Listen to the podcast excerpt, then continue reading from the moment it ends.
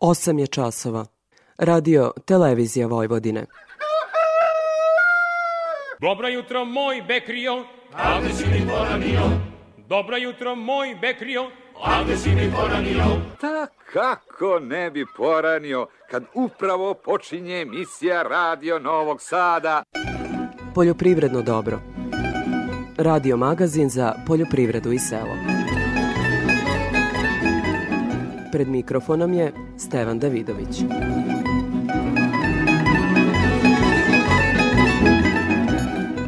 Dobro jutro. Nakon izuzetno stresne godine zbog suše i visokih temperatura, naši ratari ulaze u period zatišja. Naime, pre kiša mnogi poljoprivrednici su završili oranje i pripremili zemljište za što bolju akumulaciju zimske vlage. To nam je potvrdio i stručnjak u poljoprivrednoj stručnoj službi Ruma, Goran Drobnjak. On savetuje i obilazak parcela.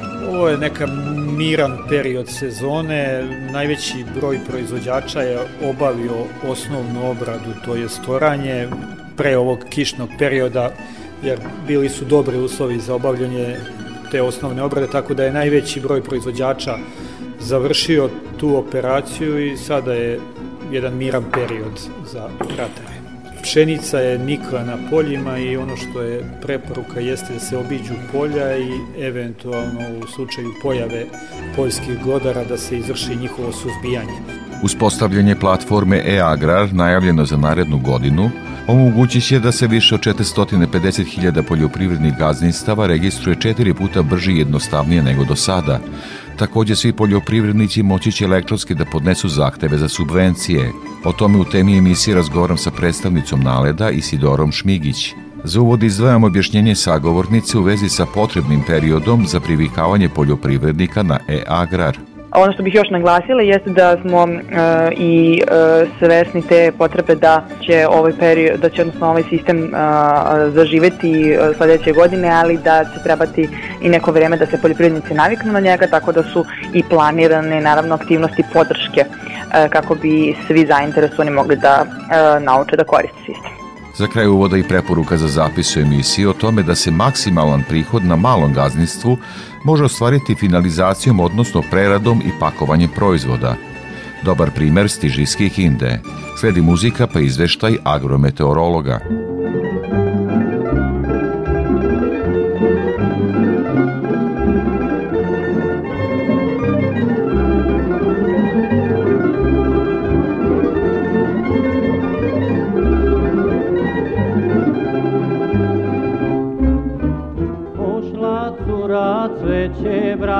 Hoće meni poklon dati. Ej, haj, curo bre, cveće najlepše. Ej, haj, curo bre, cveće najlepše.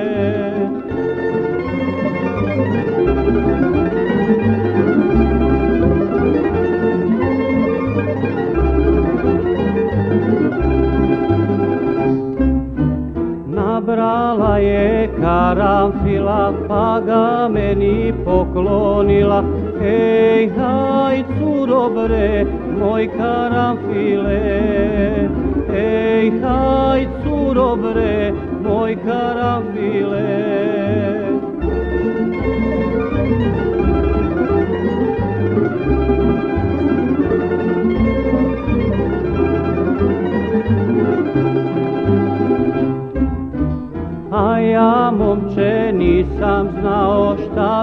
Curi darivao Ej, haj curo bre, zavolik tebe.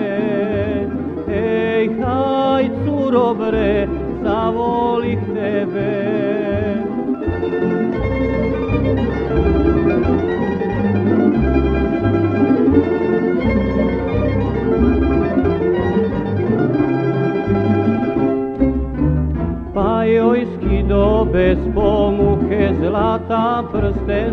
moje ruke Ej, haj curo bre, verno čekaj me.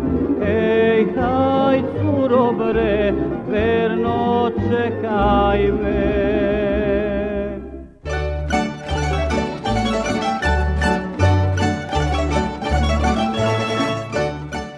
Kao što smo najavili u uvodu, u prvim minutima poljoprivrednog dobra sledi izveštaj agrometeorologa iz Hidrometeorološkog zavoda Srbije, Srđana Milakare. Protekla sedmica obeležena je promenljivim vremenom i temperaturama vazduha nešto višim od prosečnih za ovaj deo godine. Minimalne jutarnje temperature su bile u intervalu od minus 2 do 8, a maksimalne dnevne od 2 do 16 stepeni. U prizemnom sloju vazduha pojedinih dana bilo je slabih do umerenih mrazeva sa intenzitetima do minus 4. U poslednjih nekoliko dana bilo je padavina sa dospelim količinama od 5 do 35 litara po kvadratnom metru. Najviše kiše registrovano je u centralnim delovima Srbije. Zahvaljujući padavinama u dosadašnjem delu jeseni, vlažnost i zaliha vlage poljoprivrednog zemljišta je optimalna. Relativno toplo vreme i povoljnija vlažnost zemljišta omogućava kasnije posajenoj pšenici da dostigne odgovarajući stepen razvoja, koji će omogućiti da podnese niske temperature koje se mogu očekivati u narednom periodu. Pšenica posejana u optimalnim rokovima dobro je pripremljena za predstojeći period mirovanja. Što se prognoze tiče, za dane vikenda očekuje se pretežno oblačno, toplo vreme povremeno sa kišom uz umeren i jak južni i jugoistočni vetar na jugu Banata i sa udarima olujne jačine. U nedelju uveče i tokom noći očekuje se pad temperature i prelazak kiše u sneg. U ponedeljak se prognozira hladno, na severu suvo, a u ostalim krajima zemlje sa snegom uz formiranje snežnog pokrivača. Utorak i sredu se očekuje pre podne suvo, a od srede popodne nove mešovite padavine. Za radio Novi Sad, Srđan Milakara, Hidrometeorološki zavod Srbije.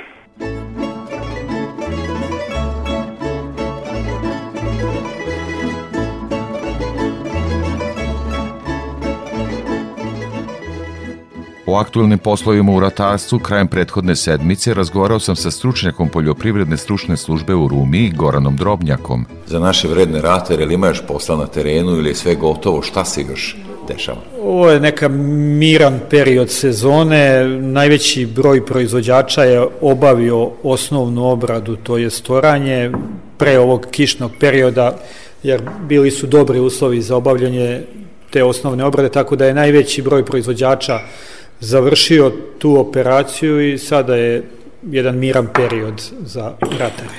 Neka preporuka za ovaj pre period? Pšenica je nikla na poljima i ono što je preporuka jeste da se obiđu polja i eventualno u slučaju pojave poljskih glodara da se izvrši njihovo suzbijanje u odnosu na neke ranije godine kada je bila velika najezda ovih štetočina, ove godine to nije slučaj, ali svakako treba biti na oprezu i obići parcele i tamo gde ima štete izvršiti suzbijanje glodara. Svakako ćete biti u kontaktu s poljoprivrednicima, savjetovanje škole tek predstoje. Tako je, ta, ta zimska škola, ta predavanja koja e, drži naša savjetodavna služba obično počinju negde u februaru i traju do marta kada već počinju poljoprivredni radovi, tako da ćemo se u tom periodu družiti sa poljoprivrednicima. Veliko hvala za razgovor. Molim, hvala i vama.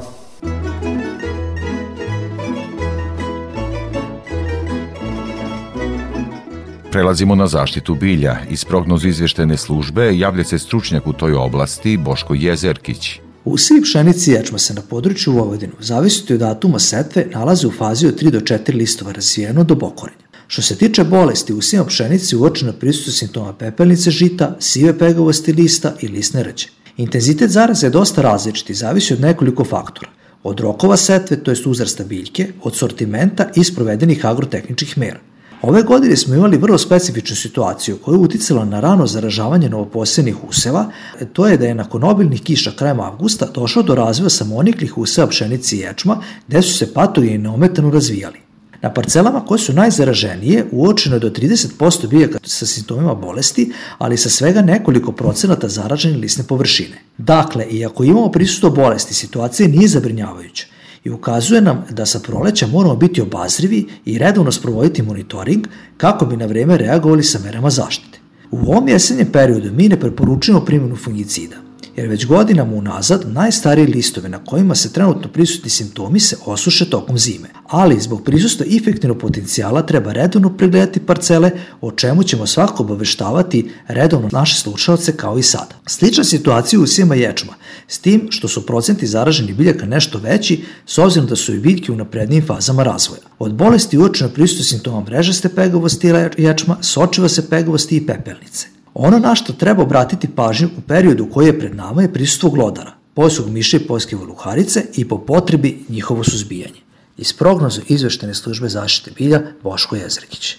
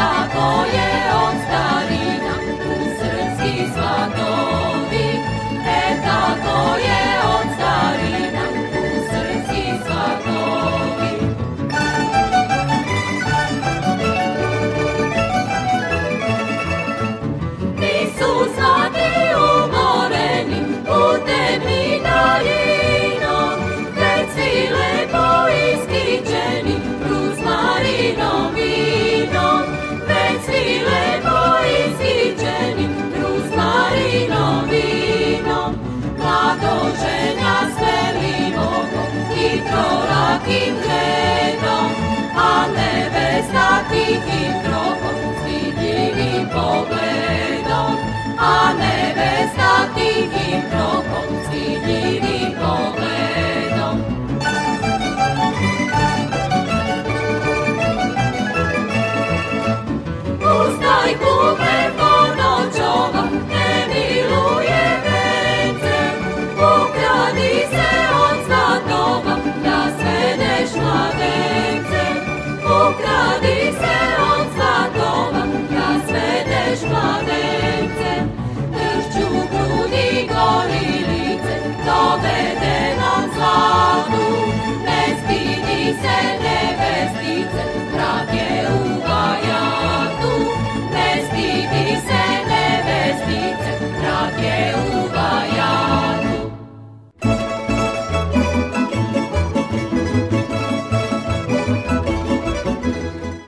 O trgovanju na Novosadskoj produktnoj berzi izveštava Anja Jakšić.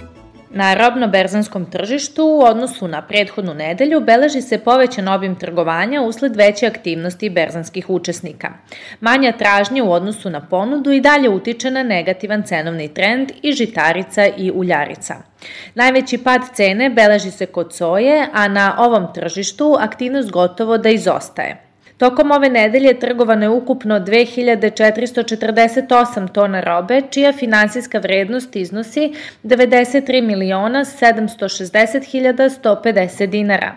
Pad cena beleži se i na stranim tržištima usled nepovoljne ekonomske situacije i prognoza za budući rod žitarica i uljarica. Od početka nedelje primetna je veća ponuda kukuruza u odnosu na tražnju.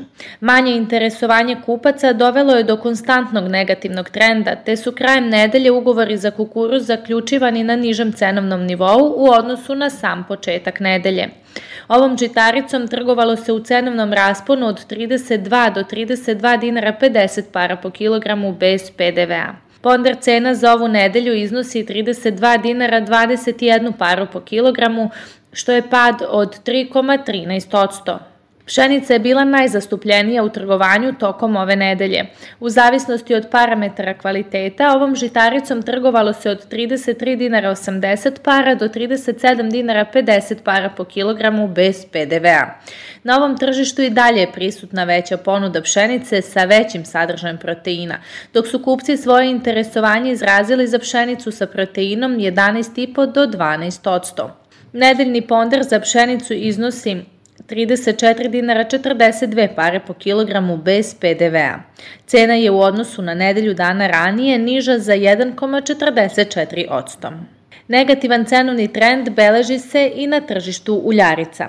Nedostatak aktivnosti kada je u pitanju soja doveo je do manjeg udela ove uljarice u nedeljnom prometu, ali i povratak na cenovne nivoe iz marta 2021. godine.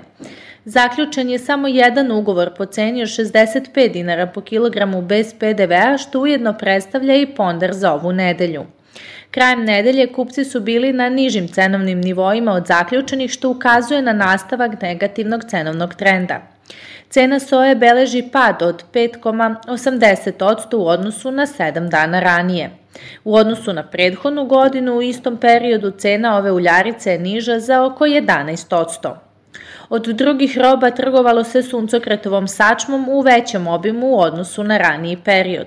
Početkom nedelje ugovori su zaključeni po ceni od 34 dinara po kilogramu bez PDV-a, da bi usled silaznog cenovnog trenda krajem nedelje ova sačma bila trgovana po 33 dinara 80 para po kilogramu bez PDV-a. U odnosu na prošlonedeljni cenovni nivo, ovo je pad od 2,40%. Sa produktne berze Anja Jakšić.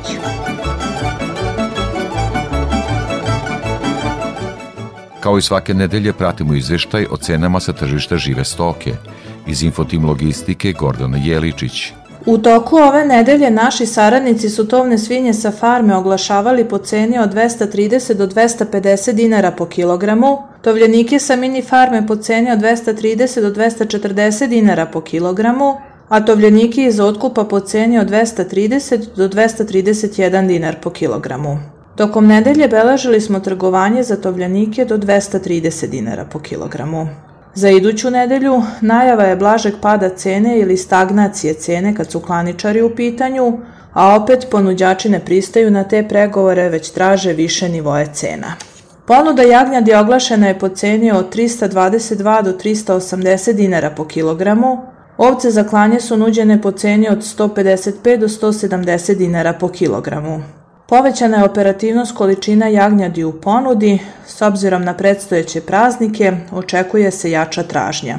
U toku nedelje prasaca farme su se oglašavale po ceni od 370 do 410 dinara po kilogramu, prasaca mini farme po ceni od 324 do 370 dinara po kilogramu, a prasad iz otkupa po ceni od 324 dinara po kilogramu. Iako su ponuđači oglašavali više nivoje cena u ponudi, pregovori su se pravili na niži nivo cena. Najčešća cena u pregovorima spominje se 350 dinara po kilogramu sa uračunatim PDV-om. Krmače za klanje su nuđene u rasponu cena 195 do 240 dinara po kilogramu, beležili smo dogovore na 200 dinara po kilogramu. Ponude bikova Holštajn oglašena je po ceni od 300 do 345 dinara po kilogramu, a bikova simentalaca po ceni od 315 do 360 dinara po kilogramu. Krave za klanje su nuđene na cenu od 250 dinara po kilogramu, a trgovanja su se završavala na cenu od 240 dinara po kilogramu. Cene su izražene bez PDV-a. Za Radio Novi Sad Gordana Jeličić iz Infotim Logistike.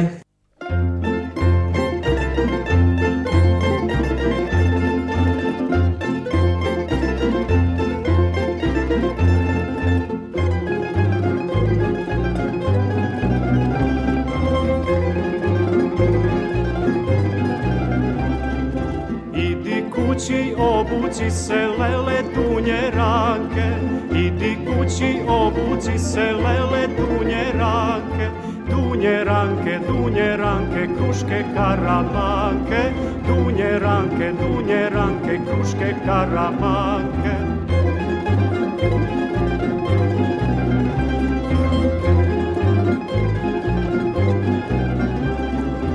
Onda dođi kolovodi lele dunje ranke, onda dođi kolovodi lele dunje ranke, dunje ranke, dunje ranke, kruške karamanke, dunje ranke, dunje ranke, kruške karamanke.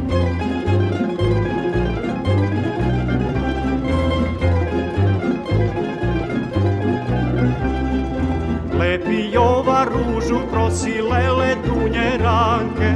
Lepi Jova ružu prosi lele dunje ranke. Dunje ranke, dunje ranke, kruške karamanke. Dunje ranke, dunje ranke, kruške karamanke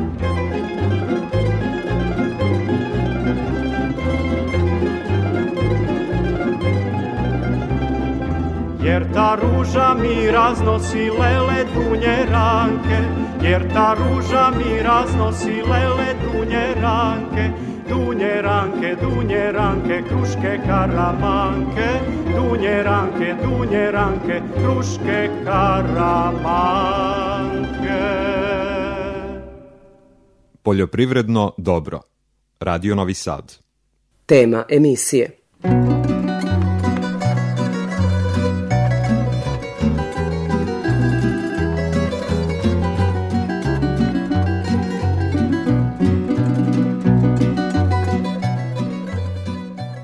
Kao što smo rekli u uvodu, u temi emisije o e-agraru razgovaram sa predstavnicom Naleda Isidorom Šmigić. Evo, zaista u medijima je najavljeno naredne godine prijava poljoprivrednih gazdinstava, što bi se reklo u nekom kompjuterskom rečniku sa par klikova. Da nam pojasnite o čemu se radi. Dakle, platforma e-agra koja je predviđena zapravo predstavlja elektronski registar poljoprivrednih gazdinstava i e, ona treba da obuhvati e, kako samu, e, sam deo vezano za registraciju poljoprivrednih gazdinstava, tako i sve ostale procedure vođenja samog registra i to će korisnicima uštediti vreme dakle, za upis, obnovu, izmenu i brisanje podataka. Ideja izrade takvog softvera je da se napravi sveobuhvatna baza podataka, tako što će se svi relevantni registri povezati sa registrom poljoprivrednih gazdinstava. To su, na primjer, Republički geodetski zavod, kao što su katastarski podaci o parcelama i geodetski podaci, uprava za veterinu, centralni registar stanovništva i tako dalje. Time bi se značajno smanjila e, papirologija kao i odlazak poljoprivrednika od jedne uprave do druge kako bi prikupili neko, neophodne podatke, a time ja gledam će takođe biti omogućeno da se e, dakle, podaci prikupe kroz samo nekoliko minuta i da će kroz taj portal ići i apliciranje za podsticaje. Ono što bih još naglasila jeste da smo e, i e, svesni te potrebe da e, će ovaj period, da će odnosno ovaj sistem e, zaživeti sledeće godine, ali da će trebati i neko vreme da se poljoprivrednici naviknu na njega, tako da su i planirane naravno aktivnosti podrške kako bi svi zainteresovani mogli da nauče da koriste sistem.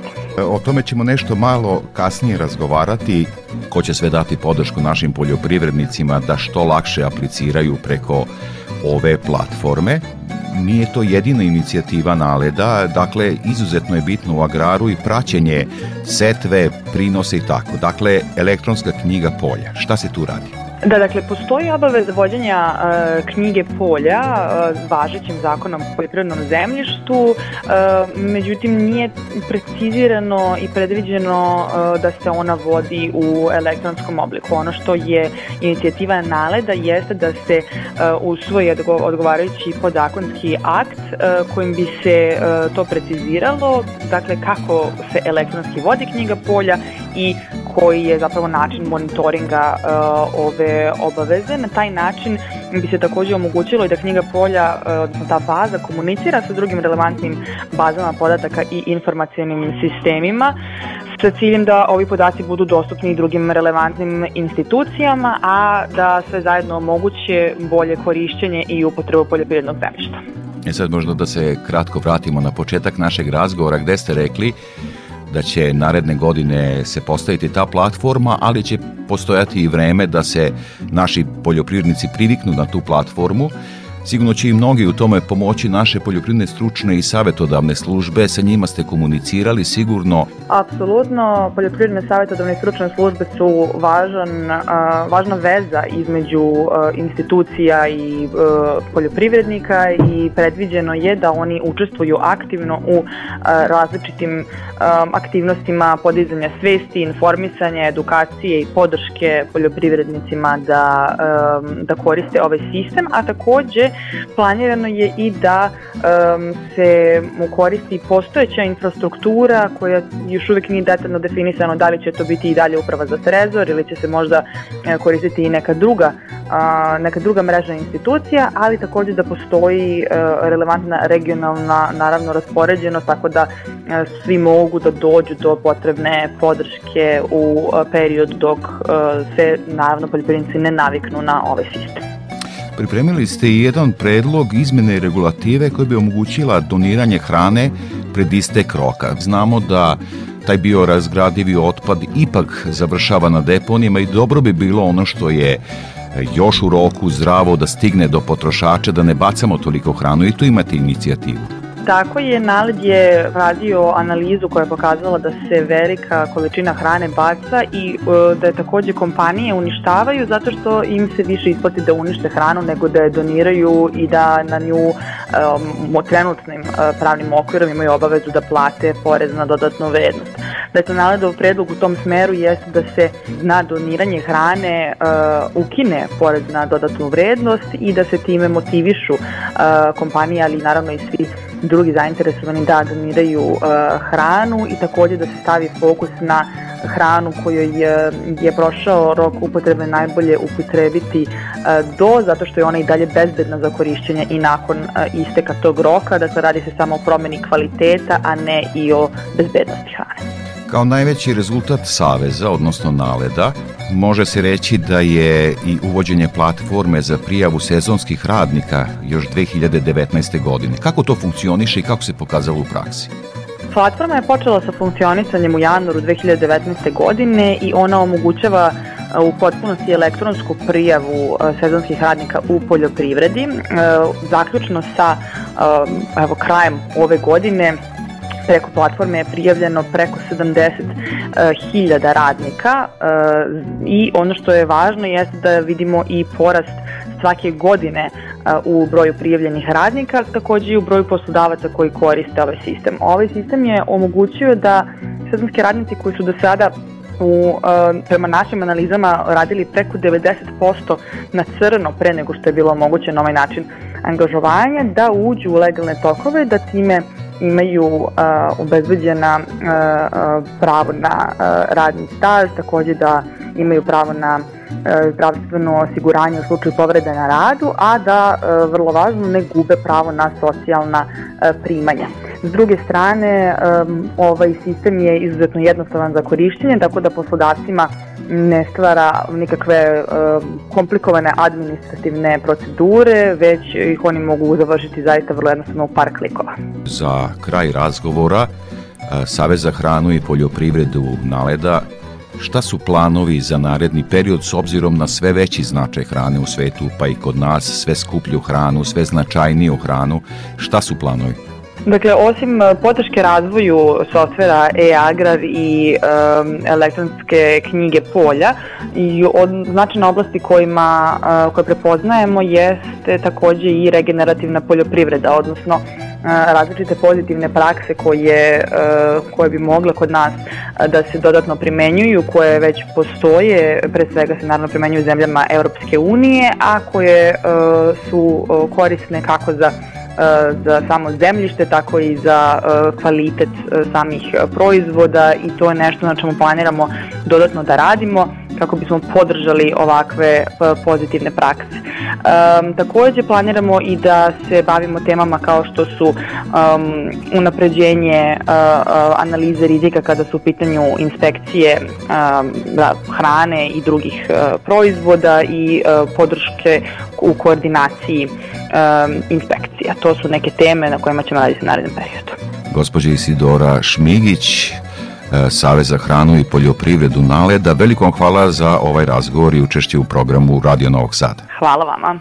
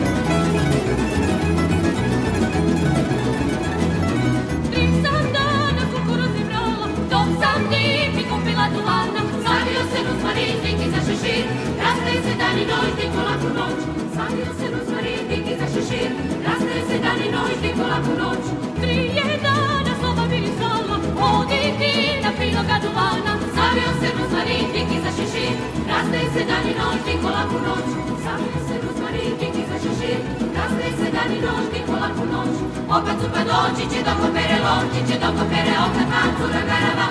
Opet su pa danca, ljubi baba stanca, a djevojka momčića, sada za tri grošića.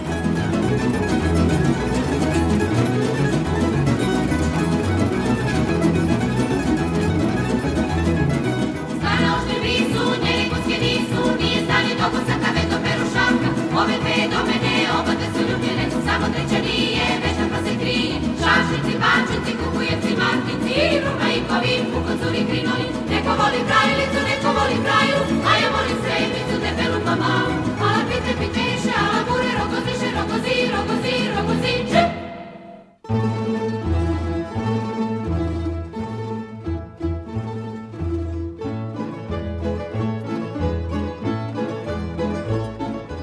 Vladimir Krestonošić je poljoprivrednik iz Kikinde, kako kaže od tamošnjeg podneblja, nastoji da dobije maksimum. Zato se bavi proizvodnjom uljanih kultura, od kojih sobstvenom preradom dobija vrhunsko ulje. Od sirovine do gotovog proizvoda. Šta je sirovina ovde? E, Sirovina je sve ono što dobro uspeva kod nas u Kikindi. Kao što je opšte poznato, Kikinda e, je osunčanija od većine e, Srbije, znači nekako Kikinda i Negotin štrče iz toga, s tim da mi imamo neko podvodno zemljište, pa baš i nije svaki naš deo, svaki deo našeg atara za vino, ali je zato savršeno pogodno za uljarice. Puno sunca, nažalost ne mnogo kiše, ne uspeva soja, ali sve ostale uljarice uspevaju i bez navodnjavanja. Recimo, mi proizvodimo osam vrsta sirovina e, i sve ih prerađujemo u hladno ceđena ulja. Evo ova ulja koja su ispred nas, od kojih je sve sirovina rađena? Znači ići ćemo ovako e, suncokret, uljana repica, lan, kikiriki, mak, e, industrijska konoplja, e, uljana tikva i e, crni kim. Evo smo ovde na sajmu etnohrane u Beogradu i zaista sam hvatao trenutak da sa vama razgovaram. Mnogo je oni koji se interesuju za, za ulje. Dakle, znaju mnogi ljudi da je to vrlo zdravo. Šta je vaš odgovor, šta su njihova pitanja? Pa njihova pitanja su najčešće e, vezana za to kako se to konzumira, kako se jede. E, ili često dođu ljudi pa misle da je to sad kao neki lekovi, znači kako se dozira. Nemojte molim vas da doziramo, znači to nisu lekovi, to je hrana. Znači to se jede kao što se jede bilo koje drugo jestivo ulje. Znači dozira se onoliko koliko je normalno da čovjek pojede masne materije. E, tako da ja najčešće preporučujem uz koje jelo, koje ulje ide, jer znate kako, hladno ceđene ulja i sam proces proizvodnje je sličan tradicionalnoj proizvodnji vina, pa samim tim se e, i e, nalik vinu upoređuje sa kojom hranom koja vrsta ulja najbolje ide. E, sad još jedno pitanje, opet da se vratimo malo na sirovinu, na agronomiju. E, vi ste u početku krenuli samo proizvodnju sirovine ili ste odma i krenuli preradu? U početku smo proizvodili sirovine, e, naravno suncokret, e, uljana repica i to što e, inače se kod nas uzgaja. Pokušavali smo ranije uljanu tikvu, ali onda nemamo plasman za nju pa smo se iz toga povukli, ali od uvek smo nekako želeli da nabavimo presu za hladno ceđenje ulja i kada nam se konačno pružila prilika, kada smo mi spremili sobstvena sredstva da to kupimo, baš je tada i lokalna samuprava raspisala konkurs za nabavku opreme za hladno ceđenje ulja, tako da smo uz njihovu pomoć kupili presu i e, opremili se sobstvenim sredstvima za sve ostalo i konačno stvarili svoj višegodišnji san pre toga, počeli da proizvodimo ono če, što smo inače, čega smo inače bili potrošači, kako da kažem, ne, nekako onda smo, tada smo krenuli da širimo asortiman proizvodnje sirovina, jer do tada suncokret preda se na veliko i to je to. Međutim, onda smo mi nabavili mašinu, sad presujemo suncokret, ajde sad kad već imamo mašinu, ajde da radimo još nešto, ne samo suncokret i repicu, ajde vratimo proizvodnju uljanu tikvu, koja je dosta isplativa da, da se radi, ima puno posla, ali ko nema velike površine, prilično je to e, isplativo raditi. Tako da onda smo ubacili uljani lan. Naravno, kod nas naši savetodavci nemaju toliko iskustva sa tim, tako da smo iskoristili literaturu i pomoć savetodavaca iz Ruske federacije i Ukrajine, gde se to gaji na, na veliko. Kada ste o, došli do sredstava i kupili opremu za hladno ceđenje ulja, kako izgleda dalji postupak prema tržištu. Dakle, vi imate izuzetno lepu ambalažu, pretpostavljam i sređen nastup na tržištu. Savet našim slušalcima, kako izdržati ceo taj put? Šta vam je onda sledilo? Dakle, imali ste sirovinu, došli ste do mašina za preradu ali tu još i, i tržište ima. Hvala na komplimentu za lepi izgled proizvoda. E, nakon razgovora ćete se uveriti i u ukus naših proizvoda. E, što se tiče e, plasiranja na, na tržište, znači potrebno je biti prisutan u medijima, u društvenim mrežama, nekako da, da, da stalno podsjećamo svog kupca, eto imamo mi lepe, prirodne, zdrave i domaće proizvode. E, naravno treba da je ambalaža uočljiva, e, treba da, da izgleda skupo, iako ne mora biti e, obavezno tako, znači, znači treba da izgleda ozbiljno e, i drugo, e, ambalaža će vam prodati proizvod prvi put. Svaki sledeći put će proizvod prodati sam sebe, odnosno kvalitet, ono šta je unutra. I sad moram vas pitati, već kad smo kod tih marketinških e, delova, e, kanali distribucije, gde plasirate to i... E, imamo jedan maloprodajni objekat koji e, uzima između ostalog i naše proizvode e, u Beogradu, na Novom Beogradu konkretno, e, zatim jedan, e, jedna prodajnica zdrave hrane e, na severu Kosova, u Kosovskoj Mitrovici, e, i ostalo je sve plasiramo direktno, znači ili sa kućnog praga, ili na sajmovima i bazarima, ili putem interneta šaljemo poštom, železnicom, autobusima, zavisi od, e, od redišta. Vidim imate i proteinski hleb. E, to je primer e, za to šta se može napraviti od naših proteinskih brašna. Znači, kada iscedimo ulje, e, od nekih sirovina ostaje suvi ostatak pogača koji se koristi za ishranu stoke, znači suncokret, uljana repica i tako. Međutim, ima plemenitih uljarica, kao što je, na primjer, kikiriki, kao što je lan, kao što je crni kim, od kojih se pogača melje, u, i prosejava u fino brašno koje se koristi za e, spravljanje šejkova, smutija, kaša, to najčešće koriste sportisti, ili za pripremu hlebova i peciva, kao što smo mi evo ovde konkretnim primjerom pokazali e, na primjeru hleba. Da li biste ovaj posao koji vi radite, dakle od sirovine, uljarice, pa do konačnog proizvoda, do zaista dobro upakovanog ulja za konačnu e, potrošnju, preporučili našim poljoprivrednicima da ne prodaju sirovinu, nego da krenu vašim putem? Pa znate kako, ko ima mnogo zemlje, njemu je najlakše da e, proizvodi na veliko sirovinu i da je prodaje kao tako, nemaju oni vremena da se bave e, mnogo ručnim radom, e, jer im, ima ovde, znate kako, mnogo ima ručnog rada, e, doći do e, bistrog hladno ceđenog ulja koje se može e, isporučiti tržištu nije jednostavno. Kao prvo proces dugo traje. Znači nakon ceđenja koji je spor, hladno ceđenje, e, potrebno je da se to ulje prirodno istaloži, potrebno je vreme, potrebno je čekati nekih 15 dana. Zatim pretakanje, odlivanje, kao slično e, proizvodnje vina na tradicionalan način, tako da iziskuje puno vremena.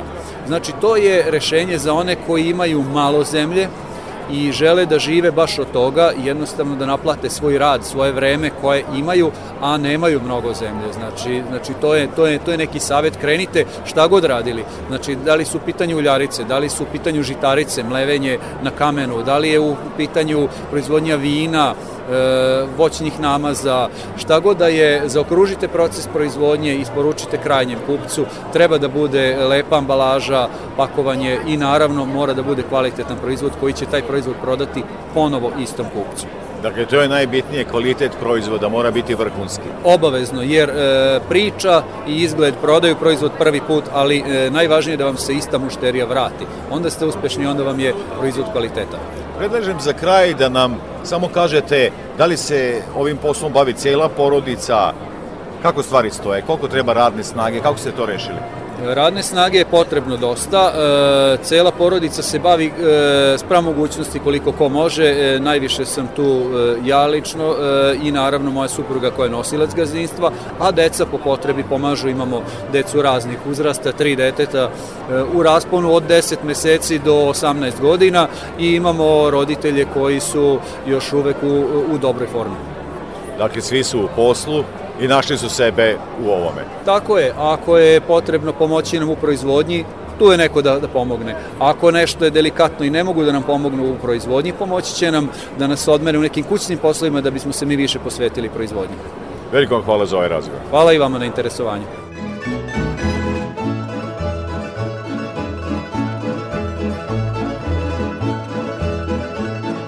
Nakon zapisa o finalizaciji proizvoda iz biljne proizvodnje zarad veće zarade na gazdinstvu, prelazimo na istu temu, ali u stočarstvu. Sledeći razgovor je sa farmerom u Kaću, Vukom Bajićem, koji sam snimio na nedavno održanom Novosadskom noćnom bazaru. Šta imaš tu od proizvoda? Prasetine, slanine, pečenice, ima lovačkih kobaja, ima od mangulice proizvoda, ima svega. I koliko su novoseđani zainteresovani za, da kažemo, ovu malo masniju hranu, starinsku, vojvođansku? Za divno čudo ima dosta mladih zainteresovanih. Na primjer, vole, vole mladi, na primjer, moj drugar, na, evo, primjer, 19 godina uče bio kod mene i uzeo je. Bele slanine kaže da jako voli, dok roditelji koji su stari ne vole. Na primjer, tako da ima, traži masnije, a ima ko voli ono, mesnatije, posnije, ima svega. Ali ima i mladi koje vole. Da kažemo to zdravije, tu belu slaninu, na primjer. Ova klobasica to ima i pikantne i koja nije. Ima i blagi, i pikantne, ima bele kao čajna bez paprike, ima da se bira. Imaš farmu svinja? E, da, imamo, oni su na ispustu. Tamo u Krčedinskoj jadi su na ispustu. Znači, sasvim prirodno se hrane, zato je ovako i domaće i lepo roba izgleda i Ne, znaju nema, kupci da, da je ovo kompletan tvoj proizvod, da. dakle zatvoren od proizvodnje, znači od njive do trpeze, što bi se reklo. Znaju, znaju, jer ovde smo u Novom Sadu redovno, tako da zna nas i Novi Sad i Kać i mnogi manifestacije obilazimo, Potopoli, Kačarevo, Dimitrov, Dimitrovgradu, Pirotu, tako da u dosta smo, da kaže, širokom luku. Mnogi proizvođači tovljenika se žale da su niske cene, ali oni to prodaju klaničarima. Da li se ipak više isplati ako koliko imaš gotov svoj proizvod? Pa šta ja znam, isplati se, ali neki, nije ni jeftino, hrana nije jeftina. Zato što ovaj, mi ne hranimo ovaj koncentratom, nego ide kukuruz, ječam, zob i ono, mi, znači mi pravimo i onda nije jeftino, mada ni cena svinja nije jeftina, ni prasica, tako da ne može ni proizvod biti jeftin. Samo primer, ja kažem, veza creva za 50 kila je 2500. A gde su začini, gde je hrana naša, vreme, trud, sve kad se sabere, znači neka cena je realna 1200 kg kobasica. Ima kome nije puno, ima ko kaže da je puno, ali opet ne razumeju, ne razumeju, ne razumeju cenu. Znači, Koliko tebi nisu... smeta kao proizvođaču što je poskupila hrana jer ti usporava plasman, da tako kažem. Ljudi ipak nemaju toliko novca nego da je, da kažem, bogatije stanovništvo. Pa ne usporava, ne usporava zato što ovo ide, jednostavno se prodaje, non stop se vrti biznis, plus kući radim mehaniku. I onda ovo je još od pradede, zanat koji smo mi nastavili da držimo. Mesarski. I, mesarski, da. Koji je u malim količinama, ništa nije ono na veliko, da kažemo, industrija. Malo slajine, malo kobasice, malo mesa, pečenja od naših prasica i to je to. Niš, znači ništa na veliko, sve onako gledamo da bude, da ispoštujemo narod. I koliko vam znači što ovako imate mesto gde možete da prodajete ovo što Novi Sad organizuje?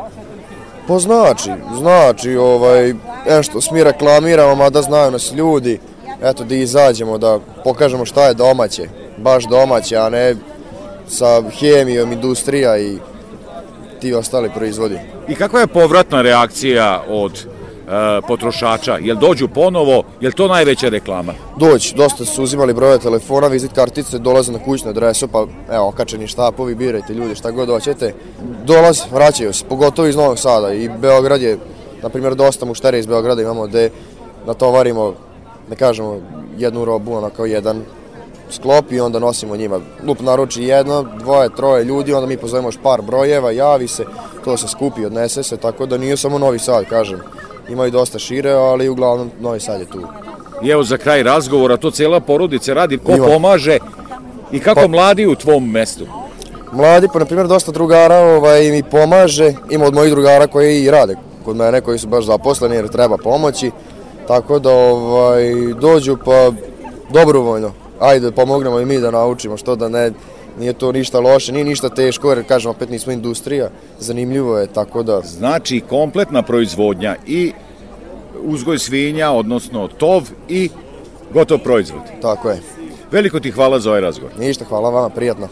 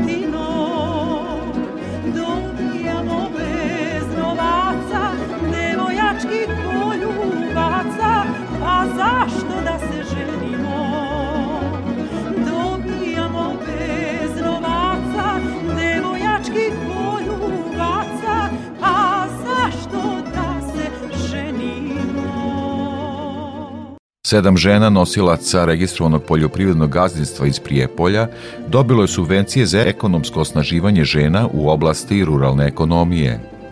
Za ove namene iz budžeta ove opštine utrošeno je nešto više od milion dinara, od ukupno opredeljenih 2 miliona za subvencije na osnovu ovog javnog poziva, izveštava Katarina Radulović. Već četvrtu godinu za redom u opštini Prijepolje dodeljuju se postica iz ekonomsko osnaživanje žena u oblasti ruralne ekonomije, a ovoga puta sedam žena do 45 godina starosti dobilo je sredstva. Za Radio Novi Sad govore Elma Bjelak, Bojana Pušica i Mirela Mašović. Ja sam aplicirala za agregat, jer gore kod nas često zim, zimi nestaje struje, imamo dosta stoke, krava, 16 grla, i tako da će mi dobro doći za muž. Sad za sad trenutno prodajemo sir, a planiramo ako bude neka mlekara se pojavila da i mleko predajemo. Pa će nam trebati agregati za laktofrize za čuvanje mleka i za mužu i potrebno nam je to. Aplicirali smo za pčelarsku opremu. E, suprug i ja smo tek krenuli da se bavimo tim pčelarstvom i ovo će nam mnogo značiti da bismo mogli da proširimo ovaj, i broj košnica. E, dobila sam e, presu za izradu satnih osnova, topionik za vosak i pčelarsku vagu. Dobila sam kosu i muzilicu, to sam pisala. To će mnogo doprinijeti. Imam maline, imam dve krave, mnogo nam znači. Maksimalni iznos sredstava koje su poljoprivrednice mogle dobiti za unapređenje biljne proizvodnje je 150.000 dinara, a u narednom periodu može se očekivati značajna podrška u pokretanju seoskog turizma, kaže za Radio Novi Sad Vladimir Babić, predsednik opštine Prijepolje. Mi ćemo verovatno u budućoj budžetskoj godini imati neki konkurs ili da kažemo neke subvencije koje će da osnaže one koji su već snažni i kojima malo treba da stignu do toga da postanu, da su najbliže nekom pakovanju, da kažem nekom krajnjem proizvodu, što jeste cilj, da Prijepolje, pošto ne možemo i definitivno je sve jasnije da ne možemo dovesti neku veliku industriju sa hiljade zaposlenih, želimo da imamo mnogo tih malih, da kažemo, robnih proizvođača i u oblasti poljoprivrede i bilo koje oblasti. Delovanja, čak i u gostiteljstvu smatramo kao oblast gde, gde je bitno posticati ljude i unapređivati njihovo poslovanje. Takođe moramo se izboriti da sve ove mlade dame recimo rade na razvoju seoskog turizma, povećanju kapaciteta, tako da jednog dana možemo imati spremne kapacitete za recimo neke edukativne kurseve ili nešto slično na našim, da kažemo, višim kotama kao što Potpica, Kamena Gora, pa tu je i Orašac, sva su na mesto lepo, samo je bitno gde možemo gde će neko prvi da se osnaži, odvaži i da registruje ozbiljniju proizvodnju ili ozbiljnije kapacitete za smeštaj. Na javni poziv za dodelu postica iz ekonomsko osnaživanje žena konkurisalo je osam žena nosilaca poljoprivrednog gazdinstva starosti do 45 godina. Sedam je dobilo sredstva dok je jedna žena odbijena jer je u momentu konkurisanja imala navršeni 45 godina i dva meseca. Stoga je jedna od tema prilikom dodele subvencija bila i kako definisati uslove konkursa, da li pomeriti starostnu granicu i u kom pravcu će biti usmereni budući posticaj koji bi trebalo da žene u selima prije Prijepolja budu ekonomski osnažene.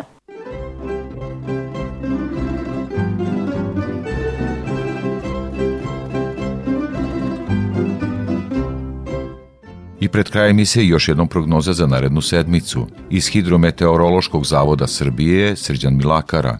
Što se prognoze tiče, za dane vikenda očekuje se pretežno oblačno, Toplo vreme povremeno sa kišom uz umeren i jak južni i jugoistočni vetar na jugu Banata i sa udarima olujne jačine. U nedelju uveče i tokom noći očekuje se pad temperature i prelazak kiše u sneg.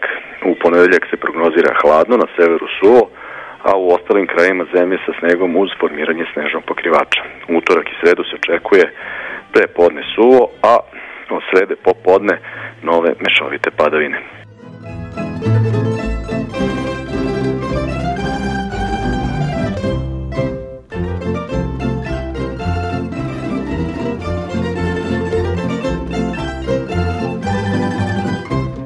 To bi bilo sve što smo vam pripremili za ovo izdanje poljoprivrednog dobra Radio Novog Sada.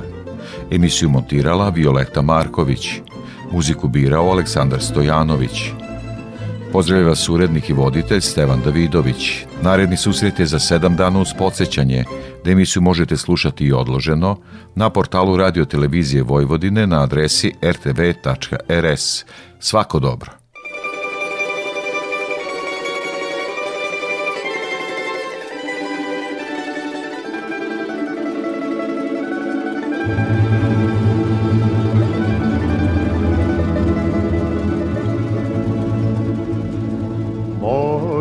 Moj